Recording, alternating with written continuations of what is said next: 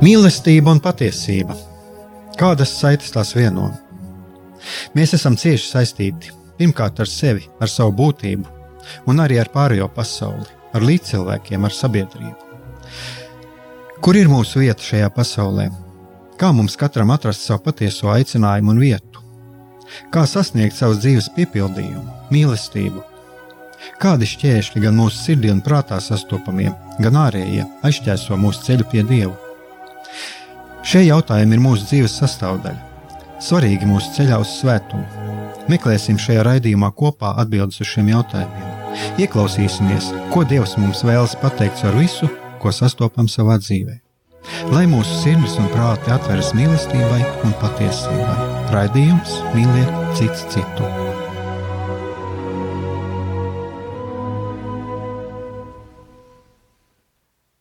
Lai top slavēts Jēzus Kristus, esiet sveicināti, darbie radio klausītāji. Šis ir redzējums Mīliet citu citu studijā. Atkal esmu es, Aigars Brikmanis.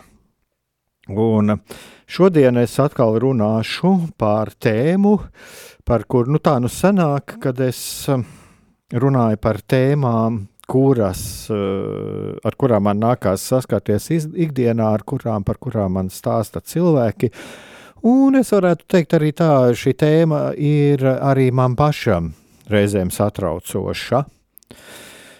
Un um, tad domājot, kā šo raidījumu varētu nosaukt, un man atkal radās tāda doma, nu, es tomēr gribētu tā mazliet iedot šos nosaukumus, tādus mazliet provokatīvus, un uh, tāpēc es Mm, ja, ja tā varētu mm, raksturot, par ko es runāju, tad es atkal runāšu par, par dusmu un šaubu dāvanām. Un patiesībā jau jūs esat dzirdējis iepriekšējos raidījumos, ir, ir ļoti labi, ja mēs spējam dusmoties, ja mēs spējam šaubīties. Tas nozīmē, ka mēs esam dzīvi, mēs esam, mēs esam gudri, Un mēs, un mēs esam, ja mēs arī e, dusmojamies un šaubāmies, tas nozīmē, ka mēs esam arī patiesi. Bet nevienmēr, ne, bet nevienmēr. Jo ir arī svarīgi, par ko mēs dusmojamies, ir svarīgi, par ko mēs šaubāmies. Un arī kas ir tā ļoti būtiski, ka nevis ka e, dusmas un šaubas tas ir kaut kas, kas mums palīdz mūsu izaugsmē. Nevis kaut kas, kas var pār mums valdīt. Un e, šeit es e, tieši gribētu parunāt par tiem gadījumiem, un, un es domāju, ka jūs jau arī varat atrast dažos iepriekšējos redzījumos, un, un ne tikai es esmu par šo runājis, ka, mm, jā, notiek kādreiz tā, kad šīs lietas pār mums valda. Un eh, kad mēs, mēs, mēs eh, kļūstam par šo savu emociju, par, sa, par savu jūtu savu emociju upuriem, un uh, tie ļoti labi iet kopā, ļoti, tur izveidojas ļoti labs stras, slasts, ja, mēs, ja tas ir saistīts ar kaut kādu mūsu vērtību sistēmu. Un jautājums jau ir par to, tātad um, par, par šo situāciju, ko mēs redzam apkārt, un mēs, katrs cilvēks mēs saskaramies ar netaisnību, apkārt valdošo netaisnību, un nevienmēr mums ir uz to atbildes. Un uh, ir interesanti, ka es uh, gribēju par šo lietu runāt jau pagājušajā nedēļā, bet tā nu sanāca, ka es īsti netiku, un uh, man tas palika šo, šonedēļai, un es vairāk gribēju runāt varbūt arī par tādu pacifistisku attieksmi, pat cik ir šis karš Ukrainā, uh, un uh, ar ko mēs um, tiesa gan šeit tas nav pārāk izplatīts šis absolūtais uh, pat, pacifisms, bet uh, reizē mums nākas saskarties arī ar šo, nākas saskarties arī ar šaubām par šo, bet um, vēl mani uzmod, uh, pamudināja uh, par š, runāt par šo lietu, varbūt arī ne tik daudz par šo pacifismu, kā par attieksmi pret apkārt notiekošo un par toleranci, par toleranci pret atšķirīgiem viedokļiem, un kur tad ir manas tolerances robežas, kur ir jānoliek šīs robežas un ko man darīt. Un e, vēl to man pastiprināja vairāk tas, kad man vakar kāds cilvēks arī dalījās ar savu pieredzi, un viņš arī jautāja, ko darīt, piemēram, saskaroties ar cilvēkiem, kuri runā par karu Ukrainā, un mums ir varbūt ļoti tik dažādi viedokļi par šo karu. Uh, jā, mums ir kaut kāds kopējais viedoklis, bet reizēm viņi var būt dažādi.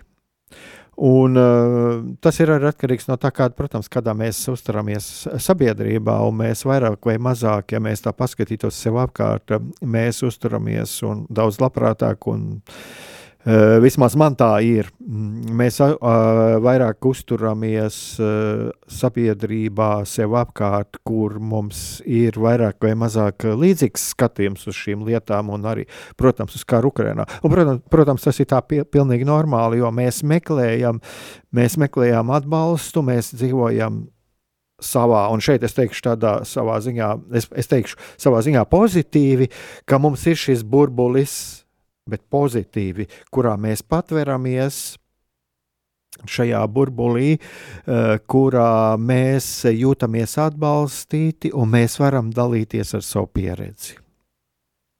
Bet problēma sākās tad, ja es esmu tikai šajā burbulī, un ja es barojos eh, arī šajā informācijas ziņā tikai no tā burbuļa, kurā es esmu. Un, eh, bet vakardienas stāsts bija par to, un tā ir arī, man, manuprāt, ir diezgan liela kļūda, ko cilvēki, um, ko cilvēki pieļauj, domājot par uh, attiecībām sabiedrībā, gan starp atsevišķiem individiem, gan ģimenēs, gan, gan, gan citos kolektīvos, gan arī kopumā ņemot eh, plašākā sabiedriskā mērogā. Un, uh, lūk, un cilvēks, mm, cilvēks uh, izstāstīja savu tādu pārdzīvojumu, ka lūk, uh, ir daži cilvēki, kuri attiecībā uz karu Ukrajinā runā par to, ka nu, tas jau nu, nav gluži tā viennozīmīgi, kad vainas ir abās pusēs un, un ko šādā situācijā darīt. Un, Visļaunākais, manuprāt, eh, kas reiz no kā var celties, eh, attieksme pret lietām, eh, ir šajos, šajā pieņēmumā, kas jau ir tā kā tāds tautā izveidojies sakāvārds, ko mēs bieži varam dzirdēt konfliktu gadījumos, kad saka, nu, viena pagale nedeg. Un To sevišķi bieži, vismaz es no savas pieredzes, zinu, kad ir kaut kādi konflikti ģimenēs. Un tad lūk, šis cilvēks, kurš ir piedzīvojis kaut kādu mm, pāri darījumu ģimenē, vai laulībā, vai kuram ir izjukusi ģimene, viņš jau nāk un dalīties ar šo savu sāpju Un viņš arī nes līdzi šo vainas apziņu, meklē šo vainu sevī, jo nu, ir taču teikts, ka viena pagale nedeg. Un es esmu bieži vien dzirdējis par to, ka cilvēki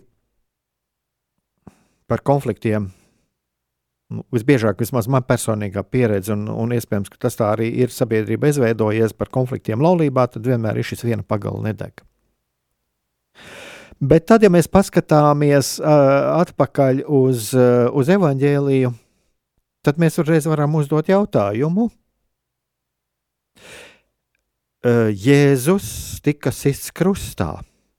Jēzus un tie, kas panāca, lai viņu sit krustā, tie, kas viņu sita krustā, vai Jēzus bija pie tā vainīgs vai nebija? Kur ir Jēzus vaina šajā situācijā. Vai arī šajā situācijā mēs varam uh, runāt par to, ka viena pagale nedeg.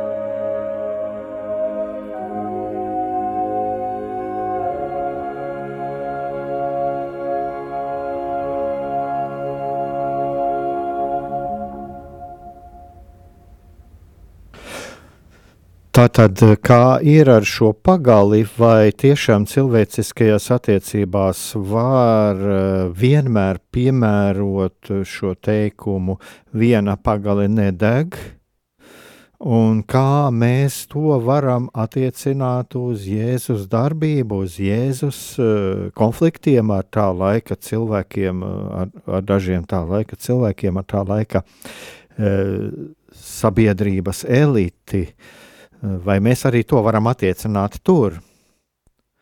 Un es domāju, ja mēs katrā ziņā mēs ieskatītos mm, dziļāk šajā problēmā, nu, šajā gadījumā mēs šo nosaucam par problēmu, tas var mums radīt apmulsumu, tad mēs sapratīsim, ka bieži vien šie uh, izteicieni, viena pagale nedeg un tā tālāk, kas ir savā veidā tādi tautas sakām vārdi, uh, patiesībā ir kā tādi ankuri, pie kuriem mēs reizēm turamies, lai mēs eh, attaisnoti paši, attaisnot tu paši savu uh, vienaldzību, reizēm arī cietsirdību pat un, un muļķību. Jo, nu, nevaram mēs attiecināt uh, to uz visiem gadījumiem, pilnīgi visiem. Mēs piedzīvojam arī uh, kādreiz uh, cilvēciskajās attiecībās, kur arī laulībā viens cilvēks tiešām var būt uh, tikai izmantotājs un, un ļoti negodīgs. Un, un nepavēlti arī baznīca ja kas ir varbūt gājuši cauri tiem pašiem laulā, laulības gatavošanas kursiem, baznīca pārunā visas šīs lietas, eh, tam ir ļoti pamatots, eh, pamatots mērķis, lai tiešām šī laulība būtu derīga eh, un lai tur tiešām šo laulāto starpā būtu savstarpējā mīlestība, ieinteresētība bez kaut kādiem negodīgiem zemtekstiem. Un, lūk, un ja šīs iepazīšanas savstarpējās nav, tad bieži vien tā iznāk. Bet nekādā gadījumā mēs nedrīkstam attiecināt to uz uh, šo viena pagale nedeg uz visiem gadījumiem, jo tas ir daudzos gadījumos var būt ļoti nekristīgi un ļoti cietsirdīgi. Un tas pats ir arī attiecoties uz karu Ukrainā. Manuprāt, mums ir jābūt ļoti skaidrā, skaidrai nostāju, jāveido sevi šo, šo nostāju skaidru un jāmēģina saprast, kas tur notiek. Un mēs nevaram nostādīt blakus uh, Krieviju un Ukrainu kā kaut ko, kas savā starpā karo, kas kaut ko nevar sadalīt.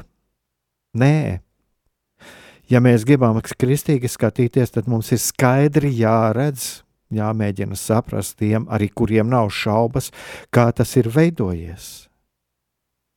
Un šajā pusē ir viens agresors, tā ir Krievija, un ir Ukraina, kura aizstāvās, kura varonīgi aizstāvās un aizstāv arī mūs. Jo uh, karš Ukrainā ir palīdzējis arī mums pārvērtēt un joprojām pārvērtēt daudzas lietas, kas attiecās uz mūsu pagātni, uz šodienu, tas ir palīdzis pārvērtēt, un, un es pat teiktu, atbrīvoties no tādas um, sava veida uh, garīgas, uh, psiholoģiskas uh, domāšanas, verdzības Bet arī, protams, ir jābūt ļoti piesardzīgiem uh, par visām šīm lietām, kas notiek, jo mēs redzam, arī ir ļoti daudz dažādu populisma, varbūt uh, arī kaut vai attiecoties pret to pašu, kas ir uz mm, saistībā ar, ar, ar visiem, visām šīm pagātnes atmiņām un, un tiem pašiem upīšu pieminekļiem un tā tālāk. Bet katrā ziņā ir šīs pozitīvās uh, pazīmes un, un uh, šo okupācijas simbolu, kas pagājušajā vasarā tika nogāzts, to vajadzēja nogāzt jau 90. gadu sākumā, pateicoties Ukrainai. Ukraiņu šai varan, varonīgajai cīņai par šo savu un arī par mūsu brīvību notiek arī šī atbrīvošanās un šis karš savā veidā garīgi uh, un es teiktu, arī intelektuāli turpinās arī mūsu sabiedrībā šī atbrīvošanās no, no šīs okupācijas, kura ir pārņēmusi mūsu prātus. Bet mums ir jābūt ļoti uzmanīgiem, lai mūsu prātus nepārņem kāda cita okupācija, un, un, un daudzus, daudzu prātus viņi ir pārņēmusi. Šī okupācija, kura liek mums turēties manā šaurajā burbulī, nevēloties ieklausīties ar otras puses argumentos. Un arī šeit, kā tad mums ir, kā tad atkal, kā es runāju, kur tad ir tās manas tolerances robežas? Ja man ir jābūt tolerantam, kur ir manas tolerances robežas? Man uh, bija pirms gada, nu, Pirms šīs, eh, pirms 24. februāra, es atceros, bija ar Māri Zanderu šeit raidījums. Viņš arī runāja diezgan kritiski runāja par šo to, toleranci un diezgan pamatoti runāja par šo toleranci. Bet kur tad šīs robežas ir? Jo jums uzreiz var rasties, darbie radioklausītāji, arī tas, jā, es no vienas puses runāju. Runāju, runāju par šiem burbuļiem, un kaut kādā ziņā mums ir šis vajadzīgs tur patvērties, bet, bet, bet vajadzīgs arī ieklausīties vēl kādu atslēgas frāzi, ko es varu pateikt, būt arī atvērtām uz un ieklausīties cita viedoklī, kaut vai ar, ar vienu domu, pārbaudīt, pārbaudīt šo informāciju, ko es saņemu, vai tā ir patiesa. Vai tas mans redzējums, kā es redzu lietas, kā viņas notiek, ir patiesas, un vai tās vajadzības, par kurām es cīnos, ir tās īstās vajadzības, kas ir šajā brīdī, šeit un tagad sabiedrībai svarīgas. Kyrie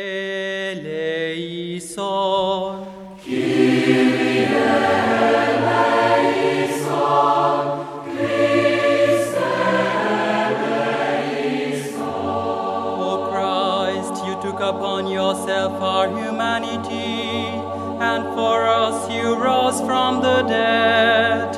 We pray to you.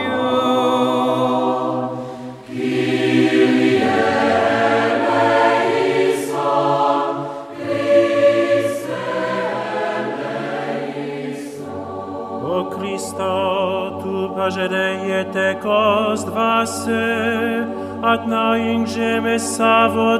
tekoje. Nasilia, Panie, prosimy Cię.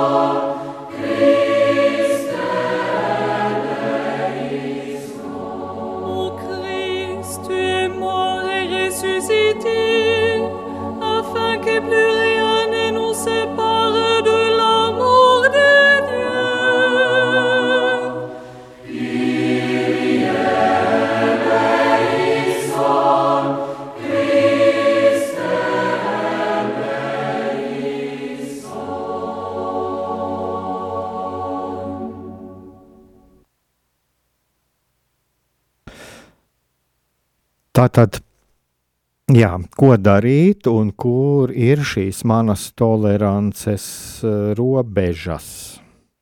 Bet šeit es tomēr gribētu vēl vienu tādu, nu, tādu nelielu atkāpi uztaisīt, jo Mm, nu, reiz reizē tomēr nākās saskarties arī ar to, ko darīt, ko darīt ar šo bausli, kas aizliedz nokaut.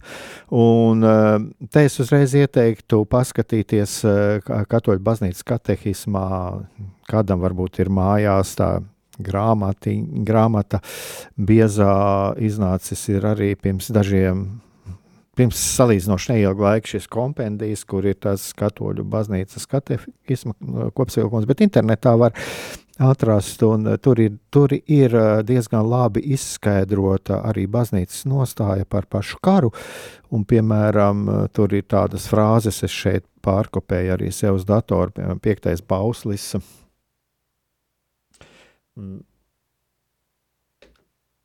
ka piektais bauslis uh, aizliedz tiešu cilvēka dzīvības iznīcināšanu, un baznī, baznīca tā ļaunuma un netaisnības dēļ, ko katrs karš nes sev līdzi, neatlaidīgi mūdienai vienu lūgties un rīkoties tā, lai dieva labestība atbrīvotu mūs no izcenās kara verdzības. Uh, ikvienam pilsonim un valdniekam ir pienākums rīkoties tā, lai izvairītos no kara. Tas ir, mm, tas ir tas, ko mēs varam atrast uh, katehismā. Bet, bet arī ir tur tālāk ir papildinājums ko darīt kara laikā. Ja? Un tad ir, lūk, šeit ir arī, ko mēs varam izlasīt. Taču, kamēr pastāvēs kara izcelšanās briesmas, kamēr nebūs kompetentas starptautiskas autoritātes, kuras rīcībā ir pietiekams spēks, uh, Tikmēr valdībām, kas izsmēlušas visas iespējas noregulēt konfliktu miermīlīgā ceļā, nav liedzamas likumīgās tiesības uz aizstāvēšanos. Un es domāju, ka šeit ir ļoti laba atbilde, un mēs uh, ir arī plašāks izskaidrojums vispār par to, kā arī par tām robežām, bet to es šeit negribu tik daudz pievērties, jo katehismā to varētu jūs izlasīt, arī kur ir šīs robežas, cik tālu es varu iet aizstāvēšanās, un, un arī mēs varam atrast to, ka ir kaut kādas situācijas, ka arī mums ir pienākums aizstāvēt gan pašiem, pašiem sevi, savu cieņu, godu, dzīvību, veselību, un, un arī savu tuvāko līdzcilvēku. Tas pat mums ir pienākums.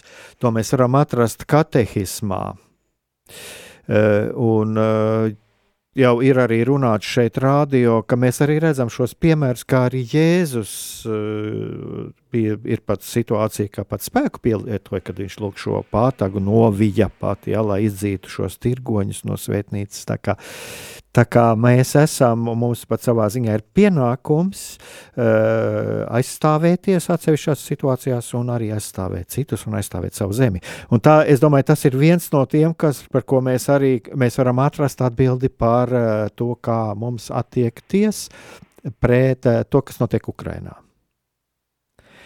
Bet uh, tagad, uh, atgriežoties atpakaļ pie tā, ko darīt uh, un kur ir mūsu tās robežas, mūsu tolerants robežas pret, un es šeit runāju par dažādiem viedokļiem, kas cirkulē sabiedrībā. Un, un te es uzreiz varētu varu teikt tā, ka mums mm, konkrētu atbildi mēs nevaram pateikt neviens, jo mm, no vienas puses, tā kā es noklausījos vienu raidījumu, mm, man gan jāatvainojās, ir es, man ir švaka atmiņa, sociologs, viens sociologs pazīstams, sabiedrībā pazīstams, varbūt man raidījuma, raidījuma laikā tagad ienāks prātā, kur viņš runāja par to, vai vajadzēja vai nevajadzēja aizliegt Krievijas. Ah, šķiet, tas bija Arnēs Kaktiņš. Uh, viņš runāja par mm, to, vai vajadzēja aizliegt Krievijas propagandu un dažādi viedokļi. No vienas puses ir skaidrs, ka Krievijas propaganda uzrunā un var cilvēkus sakūdīt uz kaut ko, bet no otras puses e, ir tas, ko viņš runāja par to, ka tas neaiz. Tas um, neizmainīs daļā sabiedrības domāšanu, un tas cilvēks neizteiksies, bet iekšā kaut kādās sabiedrības grupās tas viss rūks, un, un ir šie aplinkus ceļi, kā pieiet šai propagandai. Ja. Tā kā um, savā ziņā tā ir tāda jautājums, par ko ir ļoti grūti.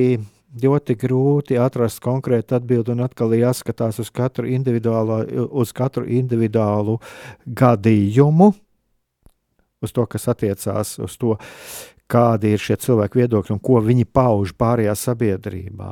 Un tāpēc, piemēram, es esmu arī viens no tiem, kurš runā par to, ka vairāk mums ir svarīgi e, pirmkārt e, izkopt prasmi kritiski izvērtēt uh, informāciju, ko mēs saņemam, kritiski paskatīties uz sevi, būt gatavam mainīt savu viedokli, ja tas nav patiesa. Bet tas tā. Tā tad, lūk, ir ļoti, kā, ko es ar to gribu pateikt, ka es nevaru, neviens arī īsti nevar pateikt, uh, pateikt, kā būtu pareizi, jo vieglāk ir um, kontaktējoties ar individuālu cilvēku, lai viņš ir gatavs, gatavs uzklausīt otru, bet uh, daudz sarežģītāk ir ar kaut kādām sabiedrības grupām. Un vai mēs vispār kādreiz panāksim to, ka cilvēki patstāvīgi domās, visa sabiedrība, nu, tas ir jautājums, kas arī par ko ir tādas ļoti lielas šaubas varbūt un, un pamatotas šaubas. Bet es tagad vēlētos arī tā mazliet padalīties ar savu pieredzi, un šī pieredze uh, ir, es varbūt arī mazliet izstāstīšu, kas notika. Tas notika vēl, nu, pāvu, varbūt kaut kur aprīļa beigās būs pagājis gads. Konkrēti viens cilvēks mani aizsūtīja pa Krievu kara kuģa ceļu. Un uh, situācija ļoti interesanta, jo viņš ļoti agresīvi, ļoti agresīvi pret mani uzstājās, bet tā pašā laikā viņš bija ļoti liels Ukraiņas draugs. Viņš bija ļoti liels Ukraiņas draugs, un, un es uzskatu, ja, aiz, ja viņš aizbrauktu tur karot Ukraiņā, vai vienalga, vai varbūt arī viņš uh, ir jau kaut kur devies palīdzēt Ukraiņai, viņš ļoti, ļoti daudz izdarīja, ļoti daudz labu.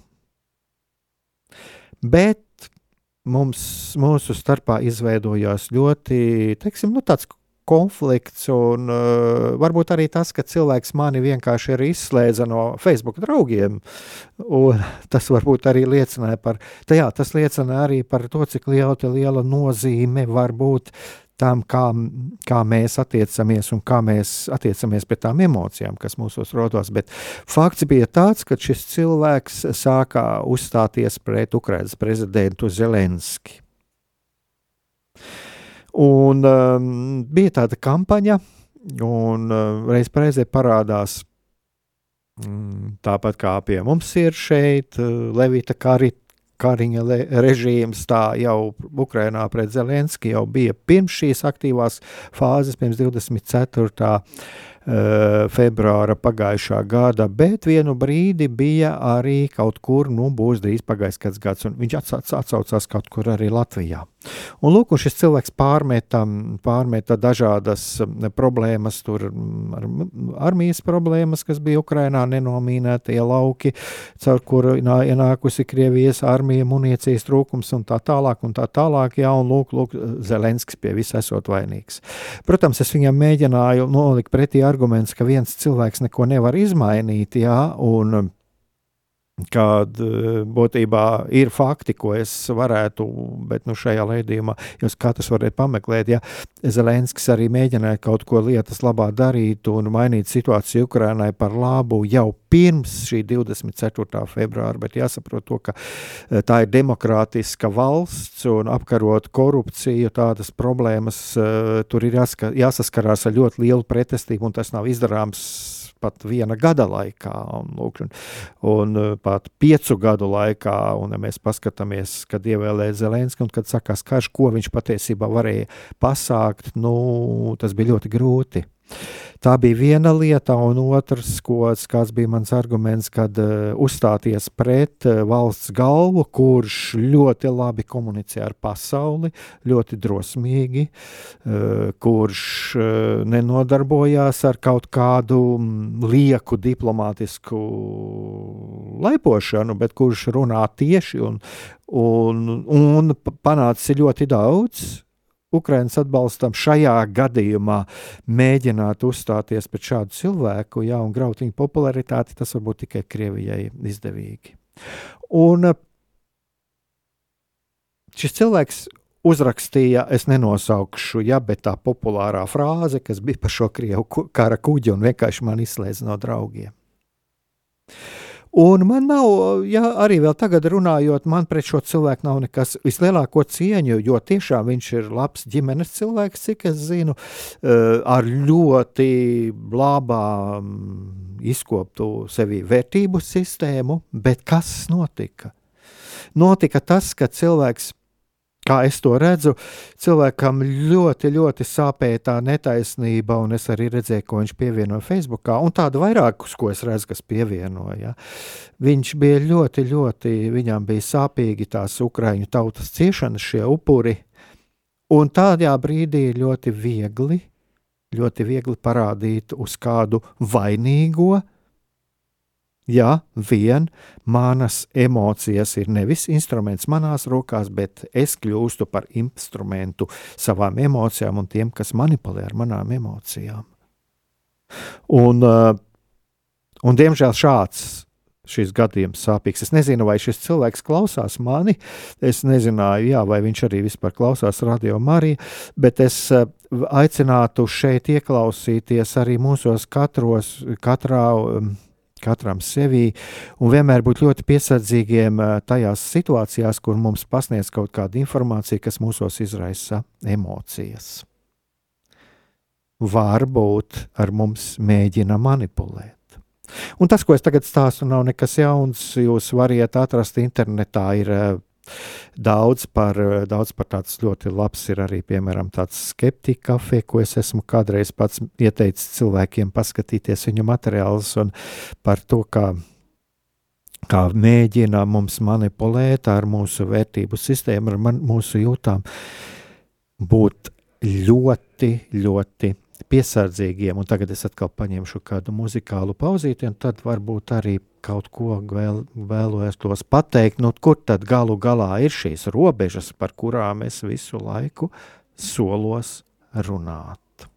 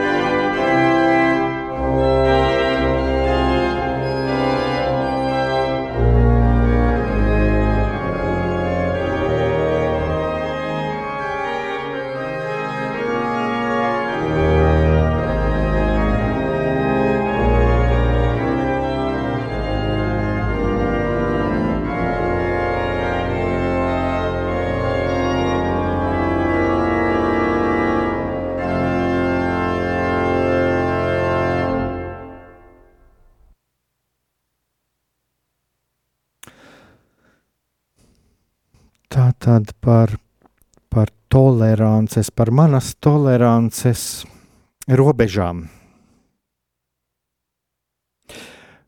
Mm, vai tā tad ir šis jautājums, atkal man nāk prātā kāda saruna. Tas jau gan, varbūt jau mazliet vairāk kā pirms gada ar cilvēku, kas arī samērā aktīvs kristietis un par uh, runājot par dažādiem viedokļiem, kas pastāv sabiedrībā. Uh, šis cilvēks uh, pateica tā, ka katram ir jāļauj brīvi izteikties, un nav ko kritizēt otra cilvēka viedokli. Un, nu, varētu tā šķist, tā ir, ir, ir ļoti pareizi. Bet te uzreiz uh, rodās tāds pretjautājums, uh, ja mēs redzam, kā piemēram, paskatoties vēsturē, kā ir dažādas uh, ideoloģijas, kaut vai tā pati nacistu ideoloģija, kaut vai tā pati mm, komunisma ideoloģija tomēr ir iepla, iep, ietekmējusi dažu cilvēku prātus. Un, ja mēs paskatāmies arī uz šiem uh, reliģiskajiem konfliktiem, ja mēs paskatāmies arī, kā bieži vien kristīgo vērtību vārdā tiek izmantots kaut kādām politiskajām manipulācijām, tad rodas jautājums, jā, bet vai tiešām mums ir jāklusē? Vai tiešām mums ir jāklusē tādās situācijās, kad mēs dzirdam, nu, ka mēs redzam, ka tā, nu, tas nu, nav tas, tas nevarētu būt patiesība, kā šis cilvēks runā. Mēs redzam, ka nu, tur kaut kas neatbilst. Jā. Protams, saprotam, ka, ka dažās situācijās arī mēs varam būt maldīgi, un tāpēc es runāju par šo ieklausīšanos vienam otram, pārbaudīt arī manu viedokli. Bet dažās situācijās mēs redzam, ka nu, acīm redzami, acīm redzami notiek kaut kādi meli. Un tas nav svarīgi, vai tas notiek eh, varbūt iekšā baznīcā vai ārpus baznīcas, bet to, jo īpaši mums pašiem kristiešiem ir jā, jābūt ļoti uzmanīgiem, lai nemanipulētu, nespēlētu uz mūsu kristiešu vērtību sistēmu, uz mūsu jūtām. Un uh, Man ir šajā gadījumā atceroties arī šo sarunu, un, un tā nav vienīgā saruna, bet nu, man tāds konkrēts gadījums nāca prātā. Man ir šeit uh, sajūta, vai tikai arī nav tā, ka mēs bieži vien baidāmies, e, baidāmies no tā, ka mums izveidosies konflikts situācija ar kādu cilvēku vai kādu cilvēku grupu, mūs var izjukt attiecības Un tāpēc mēs pieciešam. Mēs pieciešam arī to, ka mēs dzirdam, ka kāds uh, saka kaut, kādu, kaut kādas lietas, kas neatbilst patiesībai. Un bieži vien pat ieraugām, nu, tur varētu būt pat kaut kāda manipulācija, bet, nu, mīļā miera labāk. Nu, Un es domāju, ka šeit ir atkal svarīgi atgriezties pie šī Jēzus piemēra, pie šīs Jēzus savītās pātagas, vai pie tā gadījuma, kad Jēzum sita šis uh, virspriestara kalps, kad Jēzus tomēr pateica, kāpēc tu man sit, ja es meloju, tad pierādi, bet kāpēc sit? Jā, tā tad šī patiesības aizstāvēšana. Jo uh, būt attiecībās un baidīties nesabojāt attiecības, tā ir ļoti neveselīga uh, Eh, nebrīvas personas attieksme. Un es atceros, šeit arī bija no Vācijas braucis tāds Ansēns Grīns, priesteris. Viņš lasīja lekcijas un kādreiz un uzstājās šeit arī šeit draudzē. Viņš eh, kādā grāmatiņā rakstīja par to, ka lielākā kristiešu problēma ir tā, ka kristieši cenšas izvairīties no konfliktiem, bet no konfliktiem nedrīkstētu pat izvairīties. Konfliktus ir jārisina. Un atsevišķās situācijās eh, kristīga miera labad, īsta patiesa miera labad, ir svarīgi eh, pārtraukt attiecības, kuras liek mums eh, justies slikti, liek mums justies apspiestiem, un kuras liek mums tolerēt ar meliem. Īsti kristīgi ir uzvesties tā, kā darīja Jēzus. Jēzus attālinājās, atstāja, pārtrauca, ja mēs redzam svētajos rakstos, pārtrauca, nekontaktēja, neuzbāzās ar savu klātbūtni, bet nepakļāvās tiem, kas meloja. Viņš no šīm situācijām aizgāja. Viņš gāja pie tiem, kas, kam kas meklē šo dieva žēlastību, kuriem viņa bija vajadzīga. Tā mēs varam attiecināt arī šo patiesību. Jo vēlēšanās par katru cenu nesabojāt attiecības ir, ir, ir, ir ļoti, ves, ļoti neveselīga. Un mums jāapzinās to, ka, ja mēs būsim atvērti šo patiesību, mēs, mums būs tie, pie kuriem mēs pozitīvajā nozīmē mēs atradīsim šo kopienu, ar ko mēs varam dalīties. Bet mums nav, tas nav mūsu pienākums būt kopā pilnībā ar visiem un būt tolerēt visu. Un, protams, ir tāds, kāpēc, kāpēc ir ļoti svarīgi ieklausīties arī otru viedoklī, jo mums nākotnē būs kopā visiem jādzīvo vienā valstī. Mums būs jādzīvo kopā liberāļiem, konservatīvajiem, kā nu tagad mēģina saukt, un jāatrod arī kaut kādas kopīgas mērķības un jāmēģina savā starpā saprasties. Bet Tas nenozīmē, ka mums ir tolerance, eh, ka mēs, mums jābūt tolerantiem pret lietām, kas nav patiesas, kas ir mm, negodīgas, manipulatīvas.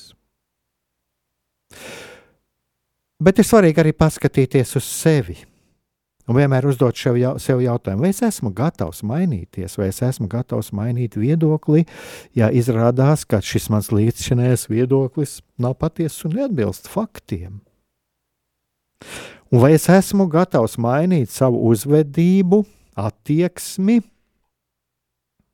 un eh, arī rīcību, ja es redzu, ka šī rīcības un šīs attieksmes un uzvedības maiņa ir nepieciešama vispārīgā labuma dēļ. Un tad arī varam uzdot šo jautājumu, jā, ko darīt ar tādiem gadījumiem, kad saskaros ar apzinātiem vai neapzinātiem meliem. Un es domāju, ka šeit jau ir, šeit ir, šeit ir jārunā, un ja mēs redzam, ka tie meli var nest kādu ļaunumu vai nu tam cilvēkam, kas pats melo, vai, vai, vai apkārtējiem. Un galu galā mēs arī atrodam, mēs mēģinājām šeit jau radio sēdēt, sēžot jau ievadīt kaut ko no Mateja evaņģēlija, un man te parādījās arī par to, ka nu, Mateja evaņģēlijas 18. nodaļa no 15. panta sākas, ja tavs brālis sagrēko pret tevi, tevi ej un aizrādi viņam savā un viņa klātbūtnē vien. Ja viņš tevi paklausīs, būsi savu brāli ieguvis, bet ja viņš tevi neklausīs, ņem līdzi sev vēl vienu vai divus, lai katru vārdu apstiprinātu divu vai triju liecinieku mutēs. Bet ja viņš tiem neklausīs, saki baznīcai, bet ja viņš baznīcai neklausīs, tad lai viņš tev būtu kā pagāns un muļķnieks. Lūk, tā mēs eh, redzam jau tā laika Mateja, e, kad laiku tapa Mateja evaņģēlijas, ja šo attieksmi pret patiesību, ja brālim pret tevi, ja brālim ir pret patiesību kaut kas, tad neklusēt. Neklusēt un, un jā, būt šajās, doties šajās Jēzus pēdās. Jo galu galā arī Jēzus neklusēja, kad viņš saskārās ar netaisnību, kad saskārās ar meliem. Jēzus bija tas, kurš aizstāvēja patiesību. Un lai arī mums izdodas būt tiem, kuri aizstāvam šo patiesību. Jo tikai aizstāvot patiesību, mēs varam doties savā ceļā kopā ar Jēzu, doties savā garīgajā ceļā, savā dzīves ceļā, pretim dzīvei kopā ar Dievu.